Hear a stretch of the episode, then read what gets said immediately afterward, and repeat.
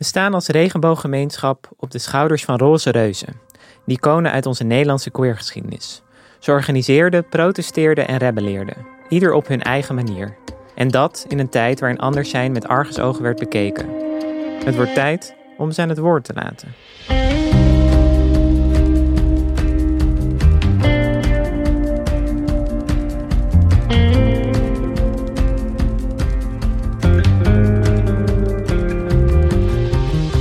Deze aflevering hoor je een gesprek dat ik heb gehad met Nederlandica en literatuurwetenschapper Maaike Maier. Maaike is een icoon van de feministische lesbische beweging die heteronormativiteit ter discussie stelde. Ze is een van de oprichters van de radicale actiegroep Paarse September en was een speel in de bloeiende lesbische subcultuur in de jaren 70 en 80. Eind jaren 90 werd ze hoogleraar genderstudies aan de Universiteit van Maastricht.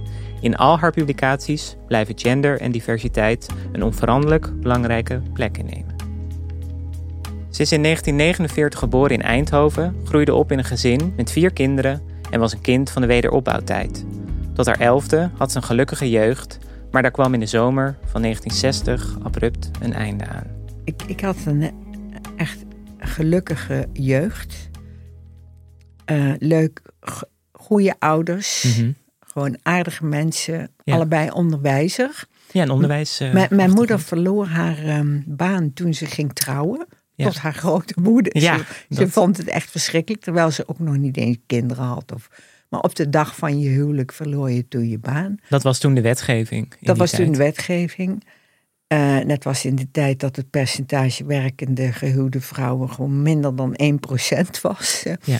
Heel erg. Ja, Maar goed, mijn moeder is later weer opnieuw het onderwijs Ja. ingegaan. Nadat mijn vader was gestorven. Mijn vader is helaas heel vroeg Ja. gestorven. Ik was pas 11. ja, in de zomer Eh, van 1960. Ja, Ja, ja dat, dat was wel een enorme eh, dreun voor ons gezin. Mijn moeder was, ja, was totaal ontroostbaar. Het was heel erg. Ze had een heel goed huwelijk. Ik- ze waren heel gelukkig. Ze waren heel gelukkig. Dus ja, ik miste mijn vader ook heel erg. En, en ja, mijn moeder was gewoon eh, de klus kwijt, zeg maar. Die was eigenlijk, ja, kon- die was, die, die kon het leven een aantal jaren niet aan. Nee, Het was allemaal te veel. Ze ging weer werken op een school. ja. Maar ze moest dus in haar eentje dat gezin eh, draaiende houden. Dat was Ja. gewoon zwaar. Ja. En, en bovendien de, de, de, de houding ten opzichte van weduwen. Hè? Ja, Eh, In die tijd. Weduwen werden echt gediscrimineerd. Dus een vrouw zonder man, dat was niks. Nee. En mijn moeder heeft dat echt gemerkt. eh, dat bijvoorbeeld de vrienden van mijn vader zich terugtrokken. Weduwe werd ook gezien als een bedreiging. Ja. Want eh, ja, een vrouw zonder man. dan was eigenlijk ook een soort maatschappelijk dood. Zeker. En, en zelfs haar eigen familie ze heeft, vertelde zij altijd. Ik heb dat zelf niet gemerkt, want daar was ik te jong voor. Mhm. Maar dat haar eigen familie soms zich een beetje terugtrok. eh, dat vond ze ook eh, heel erg verdrietig. En, Ja. En kon zij dat verdriet ook met jullie delen? Of konden jullie daarover praten? Of het is natuurlijk een hele andere tijd. En je was Praten, ook... dat, dat, deed, dat deden we vroeger niet. Nee, Nee, nee. Ik, ik, ik kon mijn verdriet eigenlijk niet met mijn moeder delen. Want, want, want dan werd mijn moeder heel verdrietig. Dus ja. Je wilde haar ook niet pijn doen. Ja, Nee, wat er, ook, wat er in die tijd ook gebeurde, wij hadden een buurman eh, die zich aan kinderen vergreep. oh jeetje. Eh, en die vergreep zich ook aan ons, alle vier. Oh, Eh, en ja, mijn moeder die, die ontdekte dat op een gegeven moment. Dus die, dat, dat voegde nog iets toe aan haar eh, radeloosheid. Ja. En ja, dat was allemaal heel erg moeilijk. maar wat heftig ook. Dat dat er ook nog bij ja. kwam. eh. Uiteindelijk werd hij gepakt en kwam hij in de gevangenis. Maar hij had gewoon alle, de hele buurt was hij rond nou, geweest. jeetje. Eh, nee, dat was echt. Wat verschrikkelijk. ja, nou, het, was, het is vooral ontzettend verwarrend als Ja. kind. Ja, Eigenlijk raakt je hele seksualiteit in de war. ja je, wordt veel te vroeg daarmee het is, geconfronteerd. eh, het, het, is niet op, het was niet jouw idee. eh, dus met experimenteren heeft het ook niks meer te maken. nee, nee dat, dat het werd was, geforceerd. Ja. eh. Nee, het, het heeft eigenlijk, eigenlijk toch behoorlijk wat gevolgen voor mij gehad. En, en mijn zusje was veel, ehm, die was dus maar zeven Ja. en ik was elf. En, en door, door te praten met mijn zusje werd het mij eigenlijk veel duidelijker van wat daar nou eigenlijk Door nu te gebeurd praten. was. Of, of, Ja, nou ja, wij begonnen daarover te praten toen we dertig waren of Ja, precies. 25 of zo. ja. Want ik, ik had mezelf ehm, wijsgemaakt. Ja, dat is gewoon een pedofiel. En eh, ach ja, zolang je niet bruut verkracht wordt, zal Je had het eigenlijk meevallen. alweer weg. eh, Ik had het eigenlijk weg, weggerationaliseerd. Ja. Maar om, het heeft me toch verwacht. tuurlijk. Ja. Ja. ja. en dat komt dan allemaal samen en ook met het verlies van je vader. Ja, Ik las ook dat je op je dertiende wel. had je een gedicht voor je moeder geschreven? ja. Ja. En het ging ik haar voorlezen. Ja, En mijn moeder kon dat helemaal niet aan. Moeder. eh. Maar goed, ik, ik zelf, ik, ik ben heel goed in onaangename dingen onder het tapijt vegen. Ik was daar heel goed in. Ja, Koningin verdringen. Dus de eerste twee jaar, toen mijn vader dood was, ontkende ik het gewoon. Ik, Mhm. ik, ik kon het niet eh, bevatten. het was te Ik, ik groot. weet nog dat mensen wel eens eh, na een paar maanden vroegen... ze, en Maaike, hoe gaat het nou? Nou, goed. Ja, Gewoon, het was gewoon je masker blok. wat je op had. En na, na twee jaar eh, kwam het eigenlijk pas binnen bij mij. Maar toen was iedereen al er heel ergens anders. Jij had gewoon een andere tempo in die verwerking. En een Ja. andere manier ook. eh. Ja. En Nou ja, dus dat, ehm, toen, toen, is, ja, toen is mijn jeugd heel erg veranderd. Maar de, gewoon voor mijn elfde, behalve dat mijn vader al ziek werd toen ik een jaar of negen was. Ja, want dat wilde de- ik vragen. Het was, was het plotseling of was hij inderdaad ziek? eh? Ehm, ja, mijn vader had, had zowel hernia als een hartkwaal. En, Ja. en die, die hernia was ontzettend ehm, pijnlijk voor hem. En die hartkwaal, die zijn ze gaan opereren. Maar ze konden helemaal geen harten opereren. in die tijd. Dus dat konden ze echt niet. Het was Nee. 1958, 59. Dus... eh, de ja, dat- techniek dat was ging- daar helemaal niet. Nee, dat ging gewoon van kwaad tot erger. En ik ging hem heel vaak bezoeken in het ziekenhuis. Ik had een hele leuke, goede relatie met mijn vader. Je keek Ehm, ook echt wel tegen hem op, toch? Nou ja, hij behandelde mij, hij nam mij volkomen serieus. En gaf me allerlei opdrachten van schrijf eens een gedicht van 24 strofen over Pasen. Nou, daar En ging daar ging ze, ja. Ja, daar ging- En daar ging Maaike met Nee, die... nee, het was echt heel leuk, heel, heel stimulerend. Eh, we gingen blokfluiten, eh nou ja, die gedichten maken. Allemaal stimulans le- eigenlijk. leuke eh. dingen, ja. En, ja. en mijn ouders waren gewoon leuke mensen. Ze lazen samen boeken. Ehm, ze, ze stonden heel positief in het leven, ja. Ja, dus je bent eigenlijk op een hele fijne manier voor je elfde eigenlijk op een hele fijne manier opgegroeid in een fijne sfeer. Ja, Eh. en daar heb ik ook veel. Ik, ik merk ook dat, dat, dat je die basis hebt van Mhm. zelfvertrouwen. En eh, ik, ik ben eigenlijk heel optimistisch en vrolijk van aard. Ik word elke morgen wakker met hoera, alweer een Daar zijn dag. we weer. Maar Ja. ik, ik heb wel, eh, ik heb wel heel erg gestotterd. En dat heeft mijn eh, leven wel heel erg bepaald. Ja, want dat gebeurde ook op je elfde, toch? Ja, dat, dat heeft misschien toch wel iets met de dood van mijn vader te maken. Eh, en dat stotteren, dat, dat, daar heb ik enorm mee geworsteld. Eh, Je wordt er heel op, onzeker mijn, van. Op mijn achttiende kon ik vrijwel niets, niets meer zeggen. Dus Oh, ik, ik kon bijna niet meer praten. Ik, ik moest eh, mondeling eindexamen doen van het gymnasium. Ja. En toen kreeg ik twee keer zoveel tijd als de andere leerlingen. Want Want anders kon ik het gewoon helemaal niet uit mijn mond krijgen. nee, je had dat Maar ook goed. nodig, die tijd. eh. Ja, maar Ja. Dat, dat heeft me wel. Ja. Dat was een enorme handicap. Mijn jongere broer stotterde ook. Ook heel erg. Ook vanaf dezelfde Eh, tijd? Of, of... Van, eh, ja, om, in dezelfde tijd. Ja. Ja. En, en ehm, nu begrijp ik er veel meer van, van stotteren. Het is een heel vreemd en lastig probleem. Mannen hebben er veel meer last van dan vrouwen. Of jongens veel meer dan Mhm. meisjes. Eén op vijf Oké. Kan je al zien dat ik toen al Ja. behoorlijk jongensachtig was. Ja, ja maar eh, ik, ik, ik ben meteen eh, ik, ik ben gaan studeren. Ik, ik eh, wilde heel graag Nederlands studeren in Amsterdam. Nou, dat kon meteen. Maar dat, dat stotteren was wel een enorme handicap Ja. de hele tijd. Maar ik had me altijd voorgenomen, ik laat me hier niet door remmen, want dan komen we helemaal nergens. nee, Als je bang bent en je ontwijkt steeds dat waar je bang voor bent, Ja. dan, dan neemt die angst je helemaal over. Eh, en ik, ja, ik ben dus allerlei dingen gaan doen. ehm, eh, allerlei eh, stottertherapieën, Mhm. zoals de schoenakertherapie, die ik nog steeds heel goed vind. Dat Ja. gaat over ontspannen, ademhalen, eh, op je uitademing spreken. Wat stotteraars doen is, die plaatsen eerst hun adem uit en dan proberen ze nog wat te zeggen. ja, Weet je wel? ja, ja, ja. Maar Dat, gaat, dat loopt dus- eigenlijk allemaal spaak dan. dat loopt allemaal spaak. Je raakt ook een soort in paniek als je aan het praten bent. Eh, Ja, want dan moet je... maar maar wat, wat die therapie, waar die therapie mee begon, dat was dat we allemaal moesten zeggen: Ik ben een stotteraar. Je moest het erkennen. Ik stotter.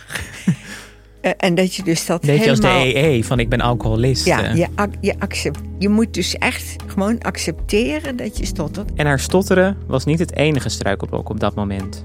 Maaike is lesbisch, maar groeide op in een tijd waar lesbisch zijn maatschappelijk niet bestond. Heteroseksualiteit was de norm en ze had al gauw door dat deze moeilijk te doorbreken is. Dit was van invloed op haar identiteit. Wie je ook bent en hoe je ook bent. Die volledige acceptatie van dit ben ik. Ja. Ja, dat, dat gaat natuurlijk ook over homo zijn. Of Ja. wat dan ook maar zijn. Ja. En ja, wat, wat het... Ja, wat, wat eigenlijk altijd heel moeilijk is, is er zijn altijd enorme normen. Hè? De Mhm. maatschappij is enorm normatief Ja. over uiterlijk, over hoe je moet gedragen enzovoort. En die Ja. normen die zijn enorm onderdrukkend.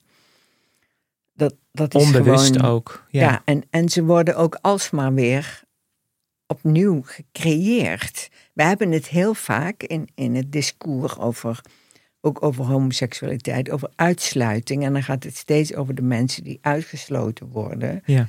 Maar we zouden het veel meer moeten hebben over de, de manier waarop die norm elke keer weer wordt gemaakt. Ja. De productie van die norm. En dat Ja. is eigenlijk in elke tijd veranderd. Is dat eigenlijk aan de tijd onderhevig? Ja, En dat was natuurlijk in jouw tijd ook zo. Toen jij zeker. opgroeide. Ik heb, ik heb het idee dat de normen, de, ja, de normen veranderen steeds, maar ze zijn niet minder dwingend. Vroeger Nee. waren ze heel dwingend, Ja. maar ik bedoel, ik, ja, ik was een beetje een jongensmeisje, dus ik wilde heel graag broeken dragen. Ja. Nou, je mocht echt niet naar de nonnenschool met een broek. Dan moest dan een rok overheen, zodat je helemaal bespottelijk uitzag. ja, dan had je een soort dubbele. Eh, nou ja, en, voor, voor meisjes waren de, de regels eh, van gehoorzaam zijn en lief en boete doen en offertjes brengen. Het was Ja. allemaal heel bedrukkend.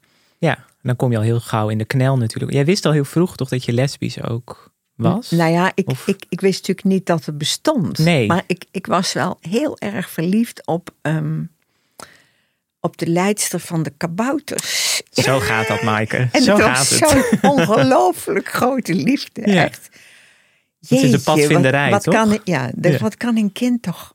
Oh my god, ik, Je was hotel de botel. ik fietste door haar straat heen. Ik knalde gewoon uit elkaar van, van hartstocht. Hoe oud was je toen? Elf. Ja, Oh. ook elf. Elf is wel echt een, een eh, katalysator. Nee, een jaar of tien, denk Oh, ik. Oké. Eh, maar goed. Ehm, Maar je maar, had gewoon geen, dat- je dat had geen idee wat het was. Ik, ik had geen idee wat het was. Nee. Ehm, en eh, ik geloof, daarna werd ik ook wel een beetje bi, want er was, er, ik was ook wel eens op, op een jongen, maar dat was dan een hele lieve, mooie, zachte jongen. Ja. Eh, en ook op meisjes de hele tijd. Dus eh, bi, dat, ik, ik was Ja. ook wel enigszins bi, maar meer lesbisch dan bi. Ja. Maar wat dat precies, hoe dat precies in elkaar zat, daar kwam ik eigenlijk pas achter door Anna Blaman te lezen. Ja. En door Andreas Bernier Was het door de literatuur dat je eigenlijk voor het eerst met deze thematiek in aanraking kwam? Ja. Ja, eerst door Anna Blaman. Die heeft heel mooie ge- liefdesgedichten geschreven, natuurlijk ook. Ik begon op de middelbare school, toen we eenmaal kennis gemaakt hebbende met literatuur, heb ik heel veel literatuur gelezen. Ja. Dat vond ik echt mooi. In de literatuur vond Maaike veel herkenning. Uiteindelijk ging ze Nederlands studeren in Amsterdam. Het is in deze stad waar het allemaal gebeurde. Het opbloeien van liefde en vriendschappen, maar ook haar activisme werd aangewakkerd. Ik ging in 1968 studeren. Ging je toen naar Amsterdam? Eh, ja, en het, het, in het eerste jaar gebeurde nog niet zoveel. Eh, maar in de tweede zomer werd het Maagdenhuis bezet. Ja, Eh, en in 69 werd ook het Instituut voor Nederlandistiek bezet. daar Dus was jij natuurlijk. Ja. En, en daar was, ik werd lid van de ASFA, dat was de Amsterdamse Studentenvereniging. Het was een, een linkse studentenvereniging. ja. Eh, dat, en ehm, ik ben ook bij een studentensociëteit bij Aknaton gegaan. Dat, Mhm. was, eh, dat was helemaal niet zoals het koor. Het was een hele alternatieve studentenvereniging. ja, ja. Maar, maar de ASFAM was meer een politieke organisatie. Maar dat trok me ook heel erg aan. Ik, ik ging op de middelbare school hadden mijn vriendin en ik. Toen had je natuurlijk de Provo-beweging Ja. en dat gedoe rondom het lievertje. ja. Het anarchisme, Roel van Duin, eh, daar wil- wilden wij bij zijn. Dat vonden we ja. ontzettend Voelde dat leuk. ook zo? Van hier, ik las Ja. ook dat je ergens zei, ja, eigenlijk toen je ging studeren, ja, het idee van werken was een beetje gek, want je wilde revolutie maken. Ja, ehm, er- er, was toen onder jongeren, eh, die waren heel opstandig. We willen niet meedoen aan de gevestigde burgermaatschappij. Mhm. Eh, er waren ook een heleboel jongeren die gewoon niet wilden werken. Eh, on- onder de studenten Nederlands was dat anders, want je wilde ook de maatschappij veranderen. Ja. Dus er gingen een heleboel studenten, na je kandidaats kon je al les gaan geven. Dan moest je ook nog een MO-examen doen. Maar een aantal van mijn medestudenten, die gingen echt expres eh, gauw studeren en die lesbevoegdheid halen, zodat je op de middelbare school eh, je- de linkse kerk kon Ja, je kon je eh, deel doen door, door de propaganda van nou de ja, linkse de, kerk. de maatschappij veranderen. Daar, Ja. dat, dat, en, en daar zit natuurlijk iets heel, iets heel positiefs in. Maar Ja. er waren ook heel veel jongeren van mijn generatie die, die zich eigenlijk terugtrokken in, in hedonisme en die niet wilden werken, omdat dat, je wilde niet tot het klootjesvolk behoren. je wilde gewoon vrij zijn en Ja, je wilde vrij zijn. En, en er waren dus ook een heleboel jongeren. Er was heel veel werkelo bewuste, be- zelf gekozen werkeloosheid onder jongeren. En er werden gewoon er werd, met ruime hand werden er uitkeringen verstrekt. ja, Maar goed, ik, ik zat ook heel veel in het café in die, in die heel studentenjaren. goed, Maaike. ik leerde drinken. Ik, ik had een. eh, een, een Je stort op mijn dat eerste studentenleven. geliefde, mijn, en mijn eerste affaire. Die zei, ja, je moet wel even leren drinken. Dus die, die, eh, die nam mij gewoon mee uit naar het mandje in de Zeedijk. En Oh, naar, naar bed de, van beren. naar de ja. schakel. Ja. eh, en, en die zei, ja, ik, ik, ik had na één biertje van, eh, nou, ik, ik ben vol. Het is wel goed. Zoiets van, nee, nee, dat kan niet. Nee, je moet wel leren drinken. Ja. Nou, daar heb ik het van geleerd, zal ik Ja, maar zeggen. ja. Ehm, En dat heb je later ook wel. en, eh, ja, maar er- er werd heel veel gedronken. Ik, Ja. ik zat vaak in het café De Lange Gang in de Lange Straat. Omdat mijn liefje Hanneke Hurkman stond daar achter de bar.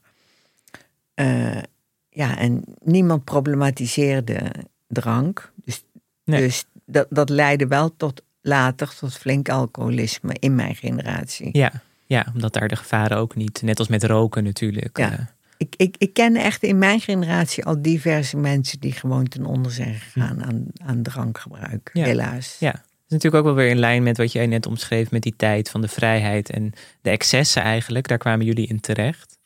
Nou ja, over het algemeen wa- was het een tijd die, die echt heel stimulerend was en heel opbouwend. En ja, heel creatief en heel noodzakelijk. Het was ook echt nodig om, om, ja, om, die, om die ontzettende strakke normen, die, die Ja. heteronorm, die, dat hele pakket van ro- rotsvaste, vaak in, aan de religie gekoppelde waarden, om, om, om Daar iets aan te doen ja, en los om van dat te los komen. te maken. En dus of, ik, ik, ik ben heel blij dat ik in die tijd geboren ben. Je had ook het gevoel dat, je, dat, dat, dat het in onze macht lag om iets te doen in de wereld, om iets Ja. te veranderen.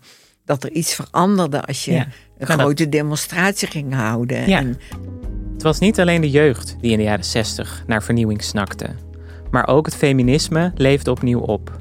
Feministe Joke Smit maakte met haar artikel Het onbehagen bij de vrouw in 1967 veel los bij de Nederlandse vrouwen. Er ontstonden allerlei feministische initiatieven. Maaike vond haar geestverwanten via een contactadvertentie en kwam erachter dat haar lesbische relatie anders in elkaar stak dan ze dacht. En jij kwam toen ook begin of eind jaren 60, begin jaren 70, ging jij in een praatgroep, toch? Een lesbische praatgroep. ja, eh, er was. eh, er was. Er waren verschillende feministische organisaties. Je had M- de MVM, Ja, Man-Vrouw Man-Vrouw Maatschappij. Je Maatschappij. had Dolomina. Eh, en je had een. Dat heette de Praatgroepenbeweging. Ja. Dat, dat, dat was een soort anarchistische ehm, organisatie. Eigenlijk niet echt een organisatie, maar in het wild gingen allerlei vrouwen praatgroepen oprichten. als waren- paddenstoelen schoten ze uit de grond. ja, als paddenstoelen. Dus waar was je met tien of vijftien vrouwen. Ja. En dan kwam je elke week of elke twee weken bij elkaar. En dan spraken die vrouwen gewoon over het leven. En, En- ik zal nog even voor de context. Man-vrouw maatschappij was veel meer een soort lobbygroep, politiek. Ja. En Dolomina meer activistisch. En Ja. dit was meer eigenlijk grassroot. Ja, grassroots. Het idee was van, ehm, we, we moeten gewoon door met elkaar te praten en, en open te zijn over wat, wat we willen en waar we last van hebben, moeten erachter zien te komen wat eigenlijk de situatie van vrouwen is. Ja. En ja, vrouwen pasten zich enorm aan en, en zaten vaak in relaties die ze helemaal niet wilden. Of dachten erover van ik wil helemaal geen kinderen. Maar in die tijd moet wel. moest je, je Ja. moest je, nou, dan had je de abortuskwestie enzovoort. Maar ehm, eh, ik, ik heb nooit in zo'n praatgroep gezeten.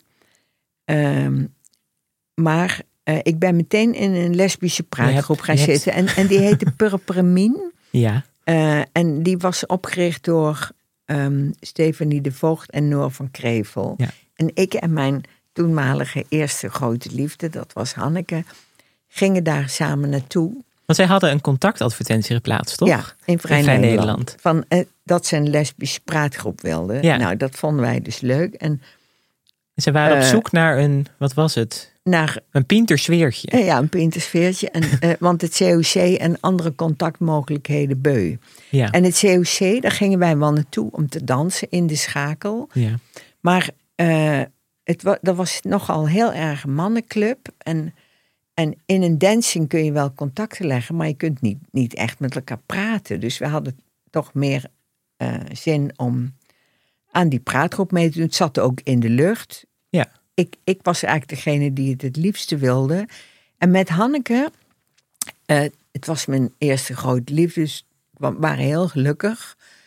Eh, en we ehm, woonden op een kamer in de Valeriusstraat. Op een kamer, hè, met een keuken die je met het hele huis moest delen. ja. Eh, en we hadden hele leuke buurjongens. Het was een hele leuke tijd. Ik studeerde en Hanneke werkte. Ja. Ehm, en we hadden eigenlijk een totaal hetero huwelijk. ja. Je gelooft het niet. Zij werkte, dus, en ik deed het huishouden. Ze gaf me elke morgen tien gulden om de boodschappen te doen. ja. En ik, ik had het eten klaar. Jij was een jaren 50 vrouw. Helemaal. En, en eh, nou, ik, ik had een toelage van mijn moeder, maar die was gewoon te weinig. Dus Hanneke onderhield me ook enigszins. Die had, die, die had meer geld dan ik. Dus Ja. het samen deden, was het wel genoeg. Ehm, maar ik, ik nam gewoon helemaal de rol van huisvrouw. Ja. En eh, dat werd ook In die lesbische verwacht. relatie was jij de huisvrouw. Ja, was ik de huisvrouw. En ik, ja, ik, ik paste me ook te veel aan. Want ehm, Hanneke was, die was, die, ja, die kwam ook natuurlijk in een nieuwe wereld terecht van allemaal vrijheid. En Ja. die, die, die keek ook allemaal naar andere vrouwen, wat ik helemaal niet leuk vond. Maar Want ik, jij zat thuis met het eten. maar ik, ik, ik had gewoon niet. Ik had gewoon niet de assertiviteit om voor mezelf op te komen in die relatie. Eh, of voldoende voor mezelf op te komen. Mhm. En ehm, ja, ik, ik wilde studeren. Gewoon dat, dat, dat vond ik echt fantastisch studeren. Hanneke wou alleen maar in het café zitten en potjes stoepen en, en kletsen met iedereen. En ik wilde ook studeren, dat snapte ze niet. Nee. Dus er Dus- zat een botsing. Daar, daar Maar was, daar had je we, hadden, we hadden een cultuurclash. Ja. Nou, daar hadden we het wel eens over, maar we kwamen daar niet zo goed uit. Nee. En Hanneke was heel dwingend. Dus eh, ik, ik kon gewoon niet zo goed tegen haar op. En ik kon vooral niet tegen haar zeggen... eh, volgens mij ben jij vreemd aan het gaan. Kom op, Hey. let's have it. Ja, ja. En als je dat voor de wil, draad ermee. dan moet je niet met mij getrouwd willen zijn. Nee. Want dat, daar, dat vind ik kwetsend. Of, Ja. of, of niet, nou ja. Nou, jij had Maar jouw ik, ik, ik kon mezelf niet, niet goed daartegen verdedigen. Eh, en, ehm, en die, en in die praatgroep kwam ik daarachter. Ja, want dat was... Daar kwam ik achter dat, dat, de, A, dat, we, dat we een soort rolverdeling hadden. Ja. terwijl we dachten juist van in een lesbische relatie kun je de wereld opnieuw uitvinden. Maar ik vind ook gewoon fascinerend dat jij een soort jaren 50 bestaan hebt geleid. En daarna daar helemaal van los bent gebroken. Maar dat daar Ja. dus die kern lag in die praatgroep. In die, in die praatgroep lag de kern. En dat is ook de kern van feminisme. Dat vrouwen zonder mannen erbij, die, die natuurlijk altijd, ook al zeggen ze niks, voelen vrouwen zich ge- gesurveilleerd, bekeken, beoordeeld en bekijken ze elkaar door het oog van mannen. Dat is, zit zo diep. Ja. Dat is socialisatie, dat is patriarchaat. Ja, ook Dat zit in onbewust ons ging allemaal. dat Het- verder. Het, zit ook in mannen. Ook, Ja. ook mannen die, die het snappen, rationeel, die, die doen er toch aan mee. En vrouwen passen zich weer aan tot zijn onzwegen. Ja. Dat zit heel diep en dat moeten we heel serieus nemen en blijven nemen. En in die praatgroepen, dat was toch een beetje een soort snelkookpan van bewustwording Ja, omdat vrouwen allemaal eh, met elkaar deelden van wat ze eigenlijk niet wilden in die relatie. Of wat ze vonden van seks. Of wat hun eigen seksuele behoeftes zouden ja. kunnen zijn. Of, orgasme ook. En precies, nou ja, dat, dat is nog steeds een een orgasmekloof, ja. Nou, en, en dat in die praatgroepen dat... Dat werd daar al besproken. Daar, daar woorden voor vonden. Of eh, in de penarium dat je ongewenst zwanger was. Dus er kwamen natuurlijk ook allerlei politieke issues langs. Ja.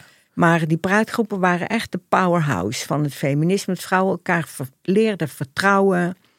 Eh, ook dat het minder taboe werd om je, om je onvrede te uiten. Of je wensen. Of je utopische... En in opstand te komen en elkaar dan te steunen. Ja, niet te laten wel- vallen. Dus dat was eigenlijk weer voor jou een moment dat de schellen van de ogen vielen. Ja, die, die, die praatgroepen, dat, dat was eh, ja, dat je overal in vrijheid over kon praten. Ja. Eh, Maar jullie deden ook wel meer. Want er zit nou, ook een... wacht, wacht even. Ja, ja, ja, We, zeker. ehm, ehm, Hanneke voelde zich onmiddellijk bedreigd. Want, want ik, ja, ik, ik zei dus ja, ja, we hebben dus eigenlijk van ik kook en eh, Jij werd ineens heel zelfbewust. Nou ja, ik, ik, ik kwam er gewoon achter dat, dat wij echt in een soort patroon zaten, wat, wat eigenlijk hartstikke hetero was. Eh, en dat, ja, dat Hanneke gewoon. Ik, ik had weliswaar minder inkomen, maar dat was nog geen reden dat Hanneke over al onze financiën zou gaan beschikken. Nee. Dat, dat, had, dat had zij bedacht. Of, en maar Hanneke voelde zich zo bedreigd dat ze na twee keer zei: Ik ga er niet meer naartoe. Tot en ziens. toen zei ik: Ik ga er wel naartoe. Nou, en dat, dat werd een enorme twistpunt. Ik Want zij, zij wilde niet dat ik daar naartoe ging. En ik zei: Ik ga daar naartoe. Want Ja. ik wist, ja, dit. Ik, ik, moet, ik, ik moet werken, ik moet denken over waarom ik mezelf altijd aanpas. Ja. Want ik paste me ook verschrikkelijk aan mijn moeder aan. Ik zat ontzettend bij mijn moeder onder de plak. Ja, ik, jij kwam zelf eigenlijk helemaal niet naar voren in wat je wilde. Op allerlei Nee, vlakken. Nou ja, en ik was dus heel goed in verdringen. Hè? Ja. Al, alles wat. Ik, ik, ik kon niet goed boos worden. Ik, ik, ik, ik zat echt gekleefd aan dat vrouwenpatroon van lief en aardig zijn. Ja. Dat, daar ben ik Dat overigens zat in wel je, eh, helemaal in je ben ik- gevlochten. Ja, ben ik wel vanaf gekomen. Goed zo, dat is heel fijn. en Maar dan, dat gaat niet zomaar. Toen Maaike zichzelf enigszins had uitgevogeld, was het tijd voor de volgende stap. Het op de kaart zetten van het lesbisch zijn. Het was tijd om taboes te doorbreken. Actie was nodig voor de lesbische identiteit om een plek te veroveren in de samenleving. Zelfs de belangorganisatie COC, toen nog een mannenbolwerk, had maar weinig oog voor lesbiennes. In de feministische beweging zelf was het niet veel beter. Dus je gingen ook het COC een brief schrijven of een Ja. psychiater of bijvoorbeeld Ja. Dolomina van is Ja. er ruimte voor lesbiennes? Ja. Omdat er binnen Dolomina was een hetero eh, feministische organisatie. Die richtte zich ook voortdurend op hetero's. Ja. Wij, wij waren niet te beroerd om mee te lopen in hun abortusdemonstraties. Nee. nou, Maar andersom, vraagteken. ja, de solidariteit ging één kant op. Nou, en wat. Dolomina zelfs deed, die, die, die waren ontzettend bang dat feminisme zou worden gezien als lesbisch. Ja. Dus die, die bewaakte het hetero-imago van hun beweging Ja. met zorg. En dat vonden wij echt heel krenkend, ook Ja. homofoob. Tuurlijk. Zei ja, het, het feit dat, dat, ehm, dat mannen zeggen. Al die jullie feministen, jullie zijn allemaal lesbisch en jullie zijn allemaal gefrustreerd. Ja, dat, dat moet je aangaan. Ja. Daar, daar moet je. Dat, waarom is lesbisch eigenlijk een scheldwoord? Ja. Wij zijn lesbisch, wij vinden het. Wij hebben geen probleem, we hebben een oplossing. Nee, en toen je dat ook door had, was je er toch ook, je was er trots op. En je wilde niet dat slachtofferschap van dat Nee. lesbisch zijn. eh, Nee, en en dat, dat was een heel belangrijke move. Dat lesbisch bestaan zat echt.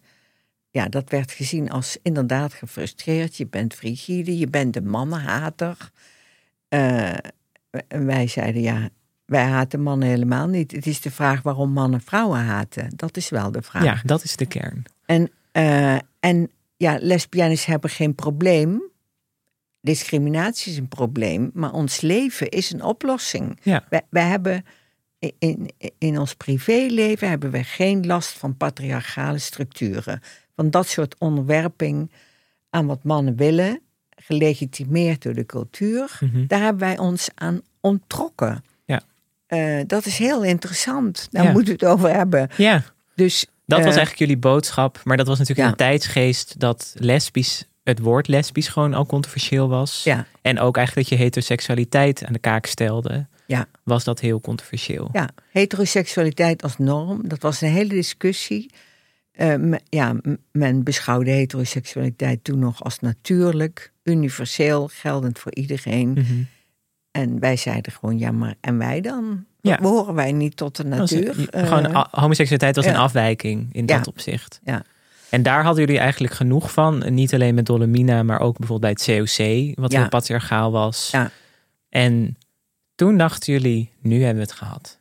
Ja. Wij gaan en van purperemien naar Paarse september. naar ja. Paarse september. En toen, toen zijn we begonnen met, eh, eh, met een blaadje te maken. Eh, en dat, ja, dat, daar werkten we onze ideeën verder uit. En Want even voor het beeld, jullie waren, purperemien waren een stuk of acht vrouwen, toch? eh, twaalf. Twaalf vrouwen. ja, het was, Oh, was gewoon een gewone praatgroep. Ja. Maar toen wij steeds activistischer werden, dus eh, discussies aangingen met het COC en met, eh, met psychiaters, zangers en met Dolomina Ja. en met de linkse vrouwen. Linkse vrouwen zeiden altijd: nee, eerst moet de linkse revolutie en dan pas de vrouwenkwestie. Nou Ja. ja, eh, en, en zij, eh, dus een aantal van de praatgroepleden die zeiden: nou, wij gaan geen, wij, wij gaan gewoon weer terug naar ons werk. en, we, en dank jullie wel, want we hebben We zijn bewust, veel maar van geleerd. En, eh, maar we gaan niet, niet, en wij gaan niet mee in een actiegroep, want we hebben daar Ja. geen tijd voor of Nee. willen dat niet. misschien kunnen we heel even naar het eerste fragment luisteren. Het is uit een documentaire uit 1995, Oké. waarin jij reflecteert op het begin van Paars September. Oké, En waar ook nog een stukje van Dolomina in, eh, in zit. alright. Nou, nog niet eens schunnigen, die komen er ook bij, maar opmerkingen maken over... Terwijl het protest van Dolomina zich toch voornamelijk in ludieke sferen afspeelde, trad in 1972 een groep militantere zusters naar voren. Zij zagen de hele maatschappij als een masculien gedrocht. We richten Paars September op. eh, dat was op, op eh, eh, oktober 1972. Dit is het eerste nummer van Paarse September blaadje, wat wij schreven. Dit is Stefanie de Voogd. In het midden Maaike Meijer, dat ben ik, en Noah van Krevel. We hadden gewoon zin om, om, om de pleuris uit te laten breken. We waren gewoon heel, heel uh, ongeduldig.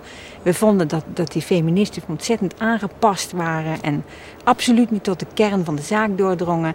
We, we vonden niks in die linkse beweging. We vonden de COC stellen ze zeikers. Ja, jullie wilden de pleuris laten uitbreken. Uh, zeg je in dit fragment ook. Ja. Jullie wilden de boel flink opschudden. Ja, nee, ja, dat wilden we. Want we dachten uh, tegen, tegen zo'n muur van, van zelfsprekendheid. Redelijke argumenten werken dan niet. Dat kun je wel proberen. Ja. Maar je moet eigenlijk een soort, een soort schokeffect creëren. Ik weet niet of we dat allemaal zo bewust deden. Maar om te zeggen dat lesbisch zijn een politieke keuze is. Ja. Dus, um, Want dat was jullie grote ja, slogan eigenlijk. Ja, en dat als je eenmaal doorhebt hoe het patriarchaat werkt en hoe ontzettend in het nadeel van vrouwen dat is, dan kun je zeggen, nou, lesbisch zijn is eigenlijk, is eigenlijk een hartstikke goed idee. Goed idee. Uh, ben je van alles af? En, en ja, dat je moet wachten tot, um, ja, als je kiest ervoor, daar zit iets positiefs in. Hè? Ja. Ik kies, ik wil die heteroseksualiteit niet. Nee.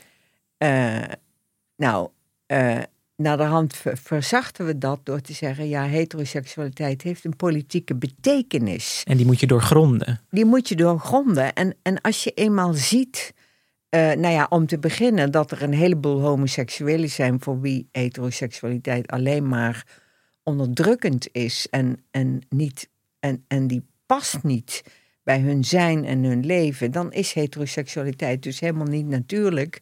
Het is een norm. En wat natuurlijk is, daar, uh, nou ja, daar komen we waarschijnlijk nooit achter. Nee. Maar wat mensen, als je mensen niet verbiedt om te leven zoals ze willen leven, en dan kom je natuurlijk nooit achter. Nee. En, en heteroseksualiteit is een geraffineerd systeem van dwang. Laat, later heeft Adrian Rich in gedwongen heteroseksualiteit en lesbisch bestaan dat ook nog heel mooi beschreven. Dat, dat vrouwen mogen gewoon maatschappelijk de keuze niet maken om met andere vrouwen te leven, om geen kinderen te krijgen, Mhm. om te werken, om hetzelfde te verdienen als mannen, om niet ondergeschikt te zijn. De, de maatschappij dwingt het gewoon af. De maatschappij dwingt je tot zogenaamde natuurlijke Ja. nou ja, En ook om dat in stand te houden eigenlijk. Ja. eh. En die discussie wilden wij voeren. En dat deden we dus met slogans. Waarvan iedereen dacht: zijn jullie nu helemaal gek geworden? En we organiseerden ook allerlei meetings. ehm, en er was veel belangstelling eh, om te praten over, over feminisme, over lesbisch zijn. Over eh, ja, dat, dat we gewoon in dat feminisme een stap verder moesten zetten. Dat lesbiennes eigenlijk eh, hun eigen feminisme moest, moesten maken. Want dat heterofeminisme, daar hadden we niet zoveel aan. Nou, daar werd je niet gehoord eigenlijk. Daar waren eigenlijk jullie problemen, gehoord. werden daar niet, daar was geen oor naar. Nee. Maar het, ja, dat, dat was allemaal, was allemaal heel leuk. Jullie waren je tijd eigenlijk ver vooruit in dat opzicht. Ja. En dat was, jullie waren eigenlijk te vroeg met Nou, deze thematiek. Of, of, of je zou ook kunnen zeggen dat we precies op tijd waren. Maar dat kan ook. voor feminisme was dat, was dat gewoon heel ongemakkelijk. Ja, Om, je- om, omdat dat verwijt van eh, feministen zijn gefrustreerde lesbische mannenhaatsters. Ja. Daar, daar waren ze zo bang voor dat, dat ehm, dat hielden ze liever buiten. ze, ze, ze, ze konden het gewoon niet aan. En het werd toch ook wel verkeerd begrepen, want ik las ook wel jullie eh, vanuit Paar September, ironie was ook wel een beetje de manier om met alles om te gaan. Ja, Of met de kritiek ook. Ja. Omdat eigenlijk, toen jullie die slogan zeiden van lesbisch is een politieke keuze, dacht iedereen ook letterlijk dat jullie zeiden, iedere vrouw moet nu lesbisch worden. alle vrouwen zijn lesbisch, behalve zij die het nog niet weten. Precies. Nou ja, en, en, en wat heel opmerkelijk was, ehm, de lesbische beweging werd veel zichtbaarder. En er waren ook heel veel vrouwen die, die ook lesbische gevoelens ontwikkelden of lesbische avonturen aangingen. Ja. Of, eh, dus ook in, in het feminisme werd, werd eigenlijk het taboe op, op, eh, op vrouwenliefde steeds minder. Ja. en dat, dat was toch wel aan ons te danken. Van Ja. dat, dat wij het Dat taboe eraf haalden. En, en dat wij gewoon met, bleken met een heleboel mensen te zijn. Want er kwamen steeds meer lesbiennes uit hun cafés gekropen. Die het allemaal reuze, reuze leuk Ja, vonden. Die lesbische en subcultuur spannend. komt eigenlijk dan ook meer op. Maar dan word je op een gegeven moment ook een beetje ingekapseld. Of een beetje... Ja. Nou, we, we hadden op een gegeven moment het gevoel van. ehm, we hebben het eigenlijk gewoon gezegd. Het is eigenlijk duidelijk. En ehm, eh, we hadden geen zin meer in om altijd de kop van je te zijn. Nee. En eh, ook, ook maar, maar steeds weer dezelfde discussies te voeren. En ik, ehm, nou, er ontstond ook iets eh, waarvan ik denk: het is maar goed dat we onszelf hebben opgegeven. Eh, wat je in alle radicale groepen ziet, Ja. dat die worden zo radicaal dat ze ook elkaar de maat gaan nemen. Ja, dan worden ze heel... eh, En eh, dat, dat gebeurde aan het einde bij ons ook een beetje. Het was een soort pervertering van wat er gebeurt in praatgroepen. ja. Waarin je gewoon in vrijheid praat over. en waarin je elkaar ook gewoon kritische vragen stelt. Ja. En van, van ja, maar wat je nu allemaal hebt verteld. Ja, waarom blijf je nou eigenlijk bij die man? Of Ja. Gewoon van. eh, waarin je elkaar eigenlijk helpt om verder te Ja, je denken. staat tegenover elkaar. En niet dat je een Ja. soort iemand boven je staat. Maar eh, dat op een gegeven moment, nou ja, wat in elke, eh, wat in alle linkse splintergroepen gebeurt, dat er een soort strijd eh, ontstaat van zijn we eigenlijk wel radicaal genoeg? Ja. En er is er hier eentje die is eigenlijk niet radicaal genoeg, want die blijft toch een beetje hetero. Nou, dat tolereren wij Die dan zetten niet. we eruit. Ja. Die zet, nou, en dat, dat is een soort proces van ehm, het narcisme van de kleine verschillen. Je zit in eh, dat dogma eigenlijk. Ja, en, en je kunt geen afstand meer doen van die radicaliteit. Dus je isoleert je steeds Ja. verder eh, je, van andere mensen. En andere En- organisaties. ja.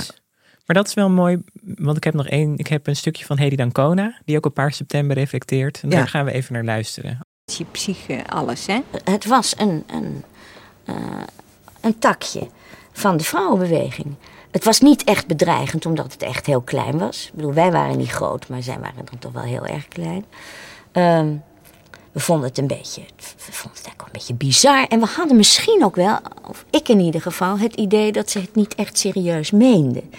Ik had eigenlijk bij de Paarse September vaak het idee dat het ook, ehm, dat het ook bedoeld was als een soort eh, peper in de kont van al die eh, vrouwen die bezig waren om weer structuurtjes en bureautjes en secretariaatjes. En dat dat natuurlijk ook iets, dat kon ik me wel voorstellen, iets beklemmends had. En dat zij dachten, en nou is eh, klaar met dat gezeur en dat getut en dat voetje voor voetje waar wij toch mee bezig waren.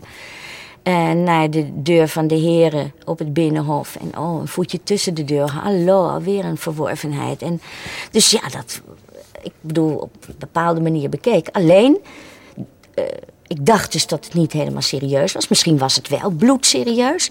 Nou, in beide gevallen konden we er niks mee, behalve het lezen. Ja, dit was Hedy Dancona van Man-Vrouw Maatschappij. Ja. Ehm, ze had enerzijds dus, zegt zij, ja, we, ze namen het niet serieus omdat ze het bijna niet konden geloven, omdat het bijna te radicaal was. Maar anderzijds begreep ze het dus ook wel Ja. heel goed. Nou, ik, ik, ik vind wat Hedy Dancona zegt, eh, vind ik eigenlijk leuk.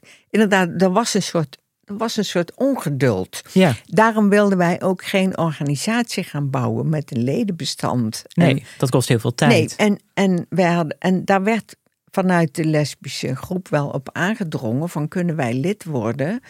En dan zeiden wij, nou ja, eh, ja je bent al lid of doe gewoon zelf wat. ja, doe Als je- mee, hup. van, doe gewoon eh, wat je denkt dat, dat nu moet gebeuren. Ja, Ehm, en ja, dus die, die behoefte om een organisatie te bouwen waar je dan bij komt, dat wilden wij allemaal niet. nee. Wij wilden, dat vonden we allemaal te log. Dus Hedy Dancona heeft heel erg gelijk dat wij gewoon te ongeduldig waren om over de gebaande paden eh, te gaan. Ja. En dat wij gewoon Voetje een, injectie van radicaliteit aan het hele denken wilden geven. Ja, dat is en, het en, eigenlijk. daar ben ik, ik denk dat dat ook perfect gelukt is. Ik, ik denk dat eh, de hele kritiek op heteroseksualiteit als norm is volkomen geaccepteerd nu.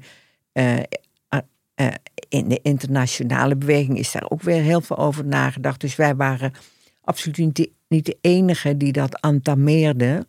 Maar het was gewoon een internationale beweging waar we, Ja. waar we deel van uitbleken te maken. Ja, en je moet het toch ook eigenlijk allemaal hebben. Je moet iets meer de lobbygroep hebben. Je moet de radicalen hebben. Want het schudt elkaar ook weer op en Ja. houdt elkaar scherp. Zodat je eigenlijk deze discussies kan voeren. Ja. Ja, later, want ondertussen hadden de lesbiennes elkaar toch wel gevonden in bepaalde cafés. Eh, en na de hand zijn er heel veel dingen georganiseerd en gedaan. Bijvoorbeeld de eerste homodemonstratie in Amsterdam. Ja, dat was eigenlijk een, 1977. het was een lesbisch initiatief Ja, geweest. ja en vanuit dat is daar langzamerhand weer de Gay Pride geworden. En commercieel natuurlijk veel meer. Maar hier Ja. komt het vandaan. hier komt het vandaan. En jullie hebben eigenlijk het fundament gelegd voor dat activisme ook. Ja. En er waren natuurlijk ook heel veel mensen bij die überhaupt helemaal geen politieke belangstelling Nee. hadden. Eh, Maar, de maar ja, je, ja je, je, moet gewoon, je moet gewoon voortrekkers hebben. Ja. Je hebt op activisme, dat, dat speelt zich op zoveel niveaus af. Maatschappelijke verandering is ook een heel interessant en mysterieus proces. Van, het, gaat, het gaat heel langzaam, maar ineens blijkt het heel erg snel te zijn gegaan. ja, Want de hele wereld is natuurlijk aangeraakt door feminisme. ja. Er is geen vrouw meer in, in West-Europa die, die er geen, geen benul van heeft. Of Nee. in de wereld. Nadat Paar September zichzelf had opgeheven om ruimte te geven aan nieuwe stemmen in de feministische strijd, stortte Maaike zich in de bloeiende lesbische subcultuur die was ontstaan. Daarnaast richtte ze zich volledig op de Neerlandistiek. In 1988 promoveerde ze aan de Universiteit Utrecht met de dissertatie De lust tot lezen. In 1997 werd ze benoemd tot hoogleraar genderstudies aan de Universiteit van Maastricht. Ze is nog steeds actief als schrijver, onderzoeker, spreker en coach. Het thema gender en diversiteit blijft een onveranderlijk belangrijke plek in haar werk innemen. Mocht je nou nog meer over Maaike willen horen, na de credits van de podcast bespreken we de lezersvragen van Wink en horen we haar blik op onze huidige tijd. Voor nu wil ik je heel hartelijk danken voor het luisteren naar deze aflevering met Roze Reus, Maaike Maier. Deze podcast is tot stand gekomen dankzij een samenwerking tussen queer tijdschrift Wink, Platform with Pride, Ilia LGBTI Heritage en Bureau van Gisteren. Met dank aan de vrienden van Ilia, Spraakmaker Media voor de audioproductie, Wink hoofdredacteur Martijn Kamphorst, illustrator Avalon Nuovo, de medewerkers van het Nederlands Instituut voor Beeld en Geluid en Ilia en specifiek Davy Vrenegoor en Fleur Jacobs voor de research. En last but not least, mijn partner in geschiedschrijving, historica Agnes Kremers.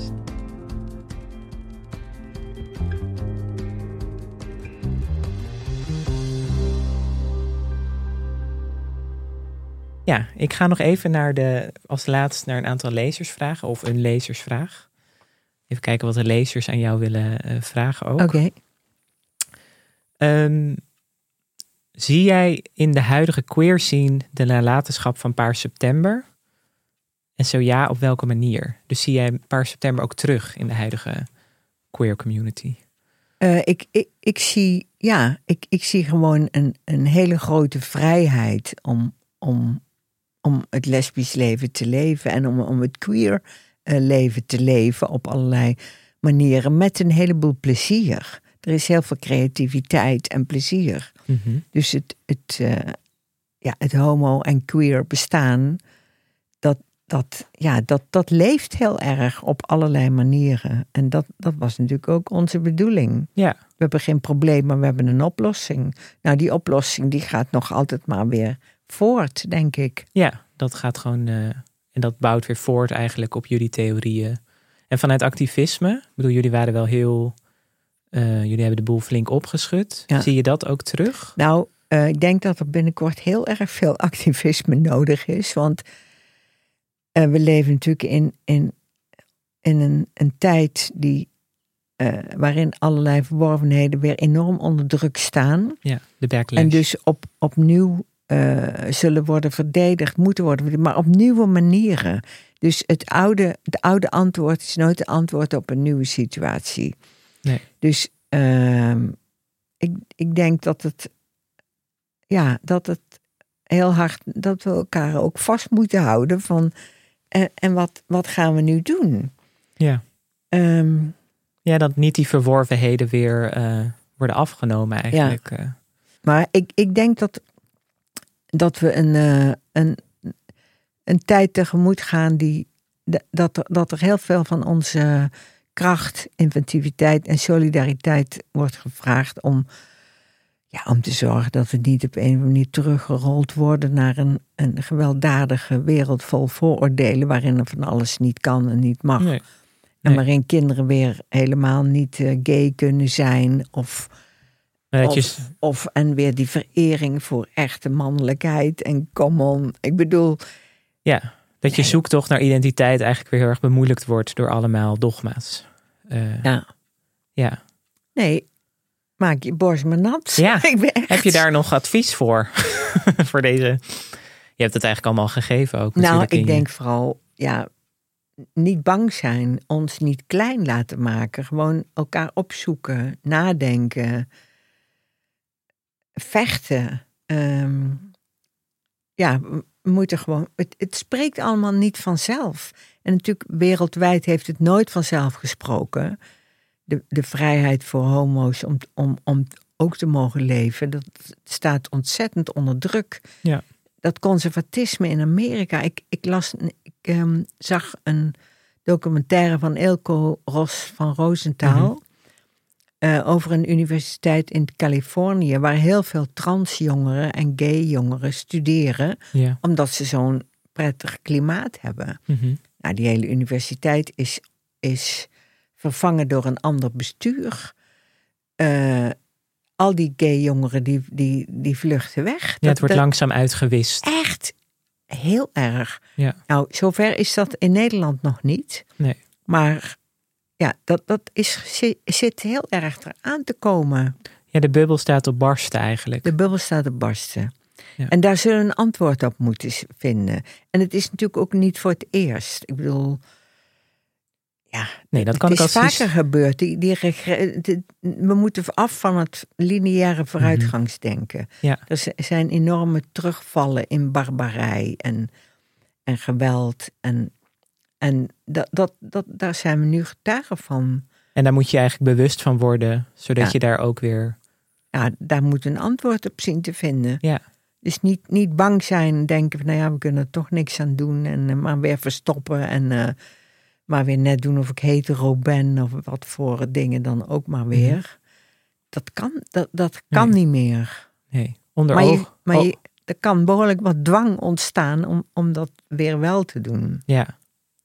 Dus eigenlijk onder ogen zien en de strijd weer aangaan. Ja. Ja. Dankjewel.